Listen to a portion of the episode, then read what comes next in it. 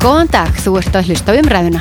Í dag ætlum við að horfa út í heim og bregða út af vananum og fá til okkar góðan gest til að ræða um horfur og markaði og efnahagsmálinn í alþjóðlegu samhengi. James Astley frá eignastýringu Goldman Sachs er stattur hér á landi á vegum landsbankans og hann ætlar að kíkja til okkar Unu Jónsdóttur, fórstöðum hans hagfræðideildar og ræða um viðbröð við krefjandi markasæstæðum ræðum verðbólguna sem er víða og stríðsatöku í Úkrænu sem hafa áhrif á heimsbyðina svo eitthvað sé nefnt. Asli er hagfræðingur og fástuðum aður stefnumála og ráðgjafalausna fyrir Evrópu með Austurlönd, Afríku og Asju hjá eignastýringu Goldman Sachs. Í dag er 7. september 2022 og landsbankin er fjármálafyrirtæki sem lítur eftirliti fjármálaeftirlitsins. Fyrir var á hagsmunaskráningum og finn á landsbankin.is umræðan hlaðvarp.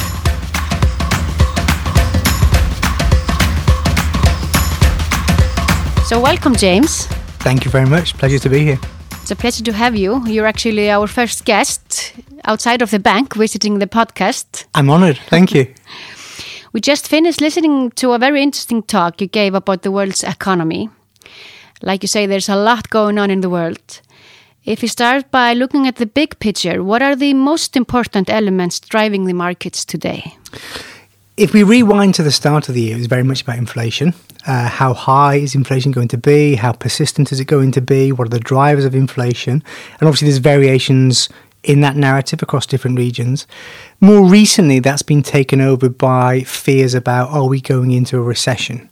And of course, you can't separate the two. One of the reasons why we might be going into recession is because inflation is so high and that's squeezing household incomes.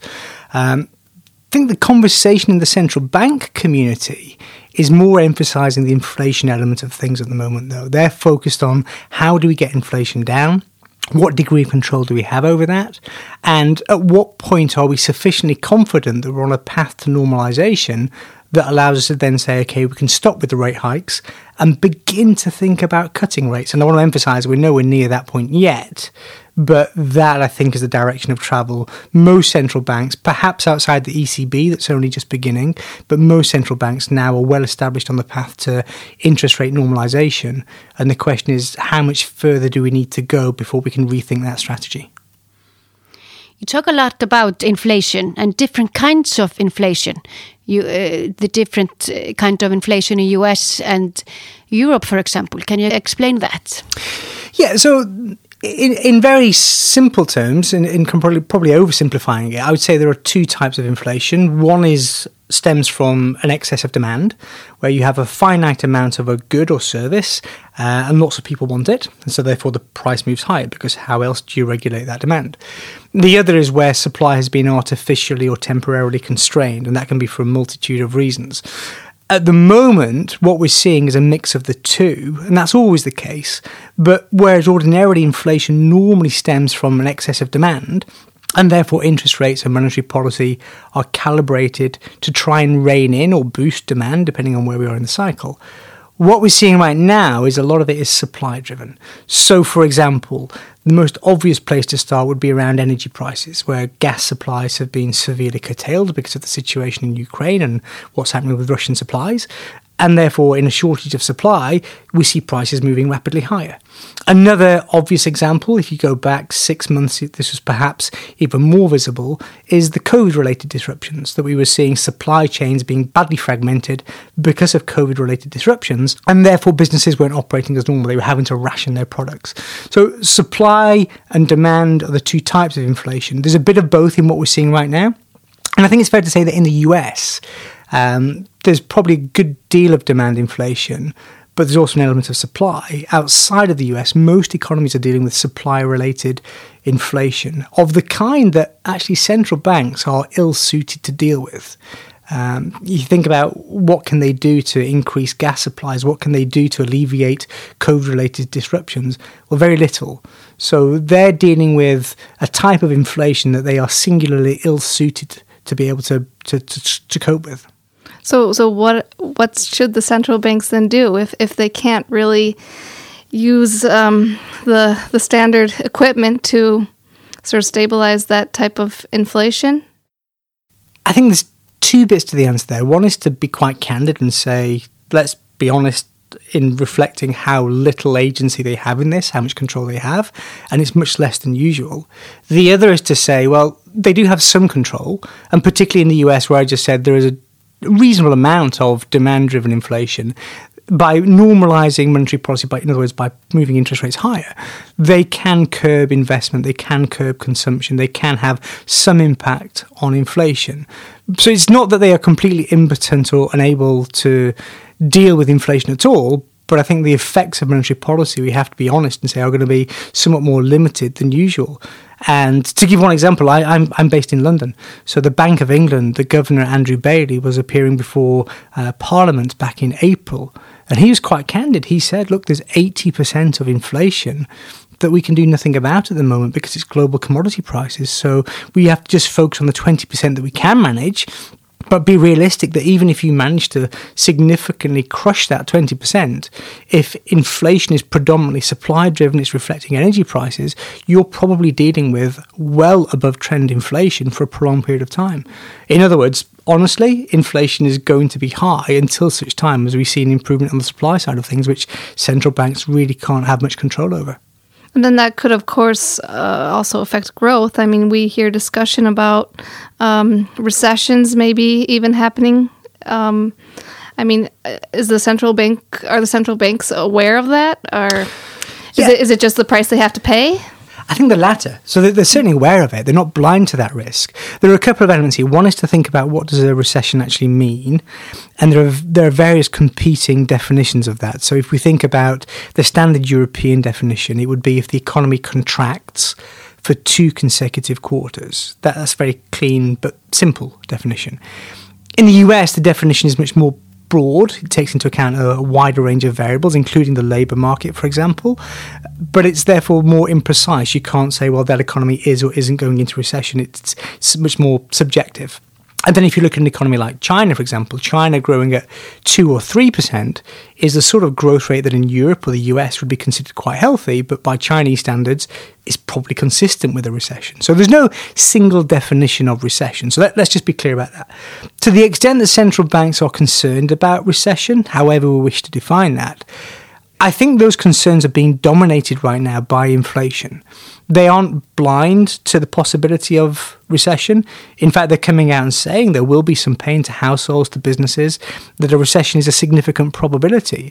But ordinarily, whereas you might expect a central bank making those kind of statements to say, and therefore our actions are going to be very much supportive of the economy to prevent or soften that recession, the message now is very different. The message is look, we might be looking at a recession, but I'm sorry, we just have to deal with that because that's the price we have to pay to bring inflation under control. In other words, the traditional central bank reaction functions that play off growth against inflation right now are very much dominated towards bringing inflation down, whatever it takes, even though, as we just talked about, their agency in being able to do that is very, very limited.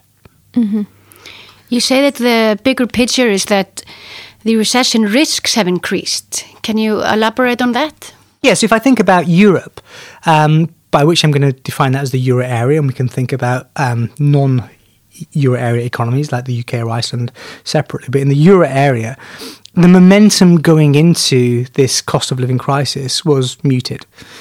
If we then think about the risks that Europe is dealing with, the risks principally around the energy crisis and the potential for rationing of energy supplies over the winter months, the likelihood of a euro area recession, I would say, is quite elevated. It's probably over 50%.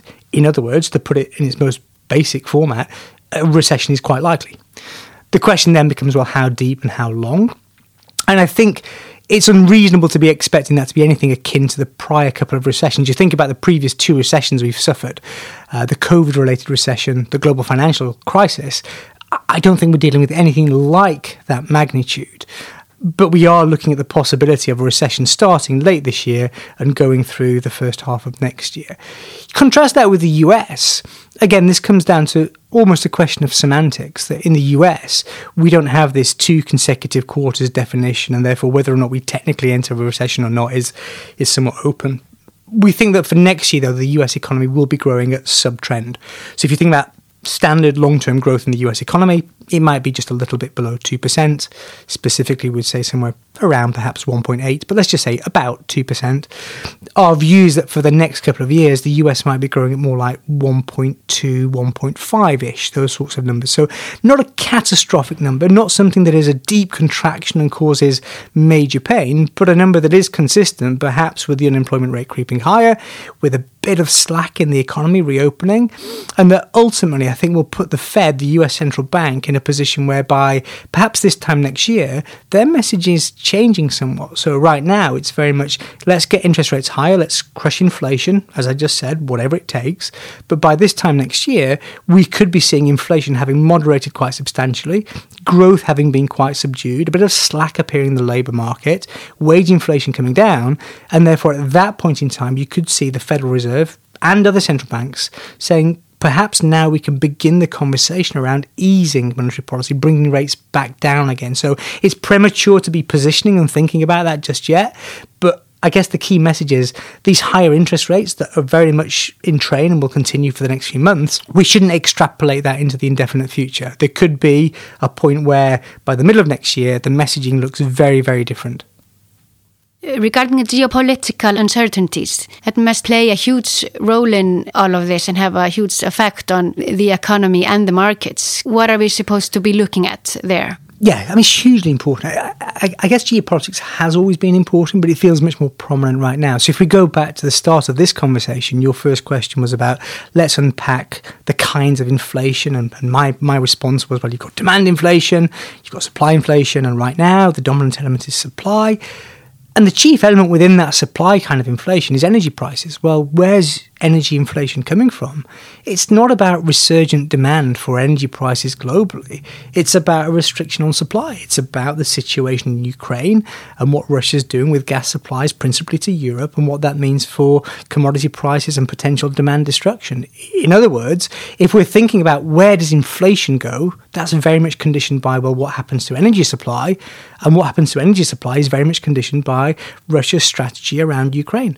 So if the message is, well, central banks are going to be dictating interest rate strategy based on inflation, and inflation is going to be driven by geopolitics, then you have to pay at least as much attention to what's happening in Ukraine and the, the Russia strategy around that as you do to what central banks themselves are saying. Historically, economists and strategists like myself, we pay very close attention to the minute differences and changes in emphasis of what central bank governors are saying because that gives us a clue as to where interest rates are going because they know very clearly where demand is and how that relates to supply. So that's the principal concern that we have. Right now, we should continue to pay attention to that. But I would say that the most important element relating to inflation and therefore relating to central banks is geopolitics. Mm-hmm. What, what, what is Putin's strategy? And then also, I mean, I'm kind of interested how our government's going to respond. What about the fiscal policy? We we hear about price caps yeah. coming on on gas or on energy costs. I mean, what's the outlook there? Is, is that something that's going to work? It, it, I think it's something we're going to see more and more of. So um, I'm based in London, and we've just had a new prime minister appointed. Um, and one of the, I would say, the top thing on her in tray right now is going to be how do we address the cost of living crisis? How do we provide some degree of support to not just households but to businesses during a period of time where energy prices are multiplying, literally multiplying. In that situation, you have, I think, a challenge where politically and compassionately, there is a strong case for providing support, particularly for low income households who are simply going to struggle to make ends meet, where their household incomes are being squeezed by elevated inflation and wages simply aren't keeping pace. So you can understand why governments would want to provide some degree of support. However, at the same time, you have to reflect on what we were saying about central banks, and they are principally concerned with trying to bring demand down aggregate demand, not necessarily energy demand, but aggregate demand down. So if you then have a government that is saying we're going to support demand, support households during some really difficult times, and for perfectly valid reasons, you know, there's, there's good logic behind that. But at the same time, the central bank is saying, well, we need to squeeze demand, we need to reduce spending. Then, in that situation, you have one agency of government, the Treasury or the Ministry of Finance, saying, let's support demand, and the other one saying, well, we're going to reduce demand. So I think we will absolutely see more in terms of economic support to address the, the energy crisis that most economies are now facing. But at the same time, at the margin, there's a danger that that forces central banks to become even more hawkish because it boosts demand even further. Obviously, the modalities of that will very much determine what happens to inflation, whether you're getting rebates, price caps, and, and so on. But in big picture terms, if you want a given amount of stimulus in the economy and you're adding more fiscal stimulus, then you need to withdraw a bit more of the monetary. In other words, bump interest rates a little bit higher. Which goes back to what I was saying before that even though next year we may see a pivot from central banks and they begin to think about interest rates coming back down again, in the short term, I think it's very much engaged towards continued rate normalization, interest rates continuing to move higher. You said that things will get worse before they get better. Eh, so you predict that the winter will be hard for for households, people, and companies. Yeah, I'm sorry to be the bearer of bad news, but I I see that as almost a an inescapable conclusion of where things are at. If we let let's begin that conversation in Europe, if we think about euro area inflation, our projections would be that we have euro area inflation somewhere around 10% by year end. So, whereas in the US, our view would be inflation might have peaked and we see, may see a moderation from here, in the euro area, we continue to see inflation accelerating. And a lot of that comes down to energy prices, but there's a few other factors in there as well. But we end up with end year inflation at around 10%. Wage inflation is somewhere around 2%, just over. So, in real terms, households are seeing their income squeezed by about minus 8% and that is going to lead to a very difficult time. And of course, at the moment, we're all seeing energy prices being very elevated, but because in the Northern Hemisphere it's still summer, we're fortunate to not be having to use much gas. When we're pushing into October, November, December, the depths of winter, those energy prices are not just going to be high on paper, but people are actually going to be consuming large amounts of energy. So, again, their purchasing power will be squeezed quite considerably. So, if I look ahead to the back end of this year, it, it's it's again a difficult situation where the possibility of recession has to be very, very elevated. So I can see brighter times ahead in 2023, but I do think things are likely to get worse before they get better. I'm a little bit curious about the labor market. Um, it seems to be doing good in the U.S., mm. but um, I mean, with a little bit of bad bad news involved with it. Um, are we going to see a, a wage price spiral? That wouldn't be our expectation. Our, our, our view would be that but let's let's back up. The labour market in the US is tight, so I fully agree with the premise of your question. If you look at the the number of vacancies in the US, job vacancies, and you compare that to the number of unemployed workers, it's roughly two for one. So for every unemployed worker, there are two job vacancies. Everybody who is unemployed in the US could get a job tomorrow, and there are still around six million jobs that need to be filled. But again, and that's also due to demand having grown so right. fast. You right. know, reopening of the economy, right. everything everything went yeah. Right. So some of that rebalancing might come from if the economy is going to slow over the next year or so, which is our base case, as we've already talked about, then in that case, some of those vacancies might be taken back. So firms that are currently looking to hire might say, well, actually, growth isn't going to be quite so strong in the future. Let's just postpone that decision. So you might see actually there's a rebalancing in that regard. You might also see that unemployment comes down from people re entering the labour market. What you saw was what's called the participation rate workers who previously had been working or looking for work just deciding, I'm done, I'm stopping now, I'm dropping out. Maybe people people re- retiring a year or two early. And that might have made sense a couple of years back, but now that you see inflation running high and the value of your pension pot perhaps having been reduced because of what's happening in markets, maybe you say, you know what, I'll go back and work for another year or two. In which case, you could see unemployment rising because people join the ranks of the unemployed looking for jobs. But it's not people losing their jobs, it's people who just stepped out and saying, yeah, I'll come back. Now's the time to come back. So there are a couple of ways in which the labour market might start to have a bit more slack appearing without it being some kind of economic meltdown. Now, that's the Goldilocks scenario. The danger scenario, which is the one you, you alluded to at the outset, was to say, are we entering some kind of situation where there's a wage price spiral where workers say, well, inflation's high, therefore you need to pay me because cost of living crisis. How do I make ends meet otherwise? Firms are then forced to pay higher wages, but to preserve their margins, they subsequently increase their prices. And then the next time around, workers say, well, prices have gone up again, so you need to pay me. So you end up with that iterative process where prices and wages chase each other. And and real income going down. You know, people Absolutely. can buy less for, Absolutely, for their yeah. wages. Every time you're losing Yeah. one or two percent, you're always chasing your tail almost. I don't think that's the most likely scenario. And let me the re- let me explain the reasons for that. Our, our view would be that in the US, inflation has now peaked. So I said in the euro area a few moments ago, inflation is probably going to accelerate into year end. We probably end up with a maybe a 10% ish inflation rate at year end. I think for the US, we- we're now at the point where inflation is decelerating and there's different measures of inflation, but core inflation, this, this measure called core PCE, which is the one that the central bank cares about most, that's below 5%. Headline CPI, which is the one that the market tends to focus on quite a lot, that was up at around 9%. It's now coming down towards 8% and will continue to fall through to year end. We're at the point now where it's closing in on where wage inflation is. Wage inflation is about 5%.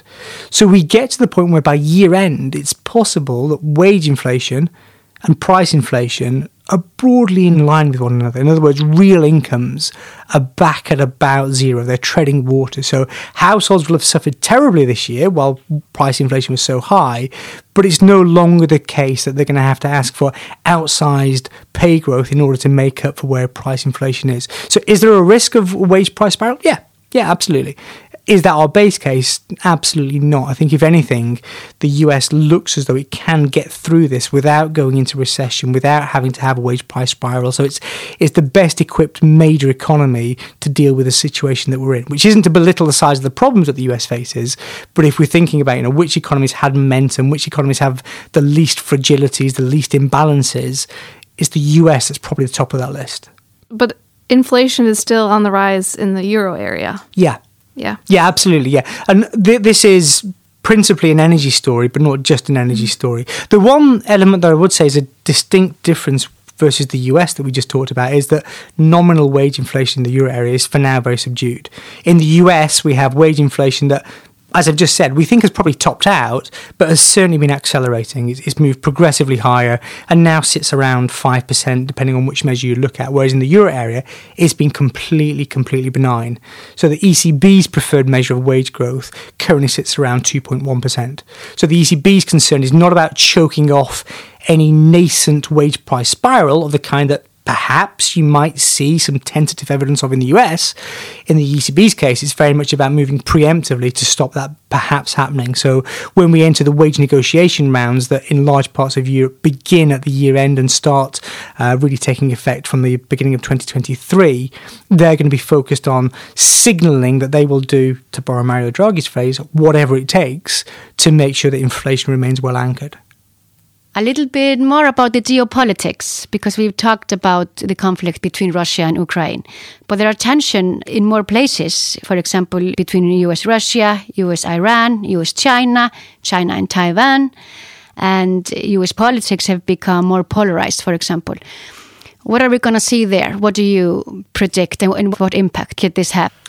So you use the words polarized and volatile there. I think that they're the key ones. So our ability to forecast how those things evolve is very, very limited. We don't claim to have any special analytical insights on those things, but you're right that we should be paying very close attention to them.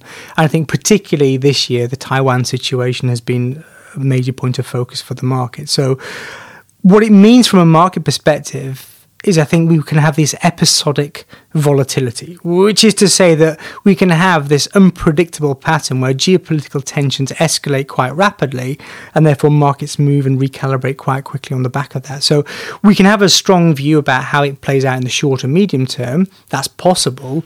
But fundamentally, we would just say have a portfolio that's well positioned to be able to deal with spikes in volatility. So, in other words, don't be overreactive to that. And what I would also emphasize is that you, you go through this laundry list of where are the geopolitical hotspots right now? And you list a good number of them. It's um, you know, there are major points of um, contention in all those areas that you mentioned.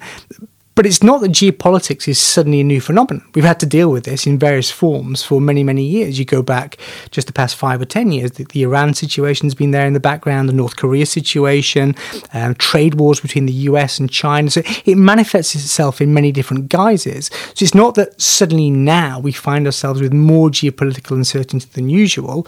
Obviously, the Ukraine situation, I think, is a particular focus right now, and that obviously is a hot war as opposed to something that is just a war of words or economic economic sanctions. You're actually seeing a military engagement there. But for the most part, I would say that those geopolitical tensions are something that investors just have always had to deal with, and they take a different form at this point in time. But it doesn't necessarily mean that we have to fundamentally rethink how we position ourselves in terms of asset allocation. You also said that forecasting just got harder. what do you mean by that?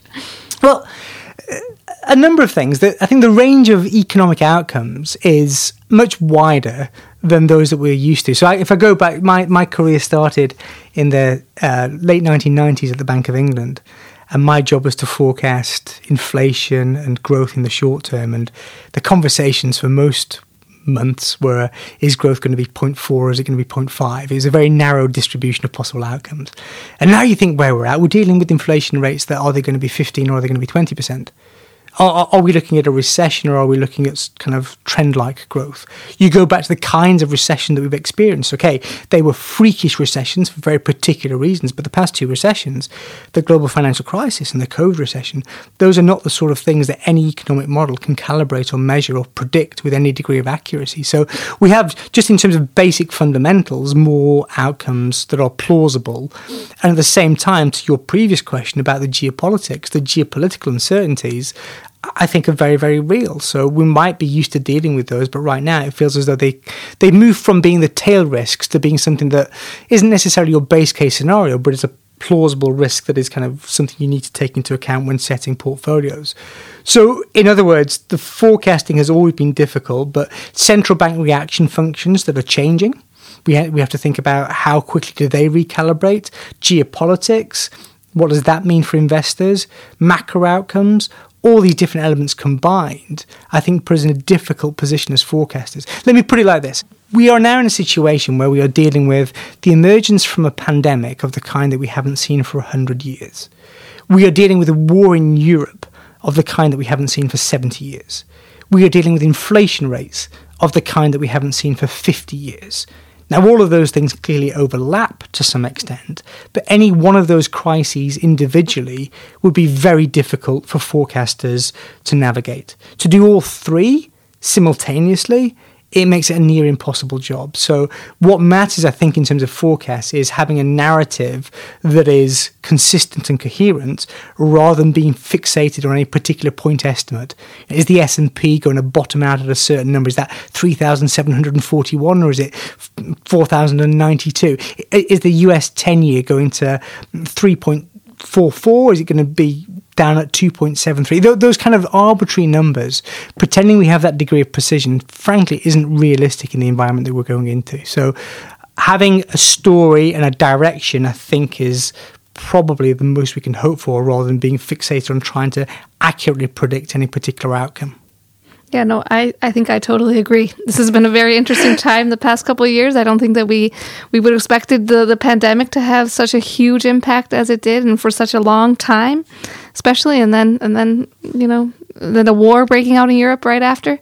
So yeah, I, I agree. Forecasting has not necessarily been easy the past couple of years. If I go back the past two years, the two things that dominated markets are COVID and the Ukraine situation. Of course, fundamentals have mattered, and we can talk about various other elements that have had some impact on the market, but it's, it's COVID in Ukraine. So, what hope can an economist or a strategist have to forecast those things?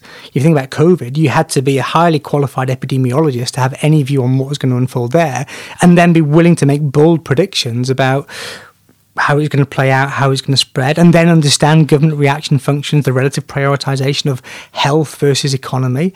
And then when we think about the Ukraine situation, you had to have great geopolitical insights and forecasting capabilities and know how Russia was going to use energy prices. You can't pretend that we know these things. It's easy with hindsight to say, well, that was obvious, but in real time, frankly, no one's got the toolkit to be able to do that. And we've talked a lot about the challenges the global economy faces. Uh, what about the opportunities? Where are they? So let me go back to the overarching thesis that we have. And as you quite rightly characterized it, it gets worse before it gets better, unfortunately. But let's emphasize that second bit. It does get better. So, having said, look, in the next few months could be a recession in Europe, inflation being quite elevated, central banks being hawkish and continuing to raise interest rates. That doesn't sound like a lot of fun and it's not. But if you look ahead to next year, we're also saying, look, central banks could be radically rethinking those strategies, and perhaps interest rates at that point could be coming down. We're probably in most economies through whatever recession we're going to have to suffer. And we're at the point then where growth prospects, inflation prospects, interest rate prospects start to improve. So if we're thinking about the short term, it's going to be difficult in most asset classes. If you have an investment horizon that is a year, two years, then in that sort of environment, we tend to think that actually equities could still be an attractive play. So be realistic here about the risk reward outlook. In other words, the kinds of returns that we've enjoyed in equity markets over the past 10 years are unlikely, frankly, to be repeated over the next 10 years. So be realistic about that. Let's be candid about it. And the volatility may well be higher. So, on a risk adjusted basis, it's not going to be the kind of environment we've been through. But actually, if you're looking for bright spots, if you're looking for positive news, if you look through the next two or three months, which are going to be highly volatile and very difficult, actually on a 12 month or two year time horizon, equities we still think offer some value. And actually, we're at the point now where this isn't just a story about equities. Interest rates have got to such a high level that when we're looking ahead to next year, we could start to see bond markets, whether it's government bonds or credit markets, they could start to offer some value as well. So I think this year, if we're looking at bond equity markets, both have been, frankly, a bit of a bloodbath. It's been it's been a really quite a, a messy um, investment environment. Looking at 2023, we can see some better times ahead. And what I will say is a lot of the bad news that we're talking about, the bad macro news in the short term, that's in the price. You know, this, this, this is not breaking news. So we may have a slightly more optimistic or pessimistic view relative to the market. But me sitting here and saying, look, there's a good chance Europe goes into recession, a lot of that is being reflected in European equity prices and in bond markets and so on. So it's not as if there has to be some dramatic recalibration and repricing of markets. So I may be the bearer of bad news, but when we're thinking about market pricing, that is already being reflected. So it's not the case that we have to have a dramatic leg down to reflect all this bad economic news. So it's there already, and we're looking ahead to next year. Things probably get better. Well, that's good. Then we'll we can at least we can we can be optimistic about next year. I guess, like you said, it, it gets worse, but then it will get better. Indeed, focus on the positives. Focus on the positives. Any thoughts about uh, the Icelandic economy? I leave that to the experts. So it, it'd be presumptuous in the extreme for me to come here and start giving you views about Iceland. You guys are the experts on that one. Yeah, well, I think at least here we're in a little bit of a different situation. Um, I mean, economic growth is is probably going to be be the outlook is better this year than it was last year. Um, mainly because uh, exports are growing. We have, if there's one thing that people that demand is very uh, high for, is it is then it's traveling now, as everything reopened. So um, we've had more tourists come this summer than we initially expected. Uh, which is good for our outlook, but inflation is high. Inflation is extremely high, but but I mean the the energy crisis of Europe does not affect us here. Um, yeah, gasoline prices are high, so a little bit of imported uh, inflation, but how the housing market has been the main driver of inflation here. So um, demand driven inflation. We've had policy rates go up. Um, hopefully, we'll, we start to see inflation go down soon. Um, we we think that we've probably uh, reached the top, and, and now we're gonna we're gonna see um, inflation go down, but slowly. But that's all consistent with what we were saying that if you have demand-driven inflation, then central banks, by normalizing interest rates, have got the ability to control that in a way that supply-driven inflation just isn't the same. So, but of course, of course, it's a mix of, of the two. Of we also have service prices going up and, and things like that here. But with with the housing market, it's it's mainly demand driven in the sense. And yeah, so so the, I mean, policy policy rate hikes should should start to to have an effect. We think they do to some extent already. So the path for policy rates from here, up, down? I think they're going to keep going up for at least the rest of the year. But but hopefully um, next year we'll, we'll, we might start to see them go down. We'll have to see. Thank you very much for coming to see us. Any final message? No, just thank you. Appreciate um, your time for conducting this interview today and everyone's time for listening to this. Um, it's not necessarily the easiest message, so I, I do apologise again for being the bearer of bad news, uh, but just focus on those positives. A uh, few tough months ahead, but hopefully 2023 brings some better times. Any final message, Una, from you? No, just um, thank you very much for being here. It's been an honor to have you and, and to give us a little bit of a, a, a wider outlook what's going on. Thank, Thank you so much. Thank you very much.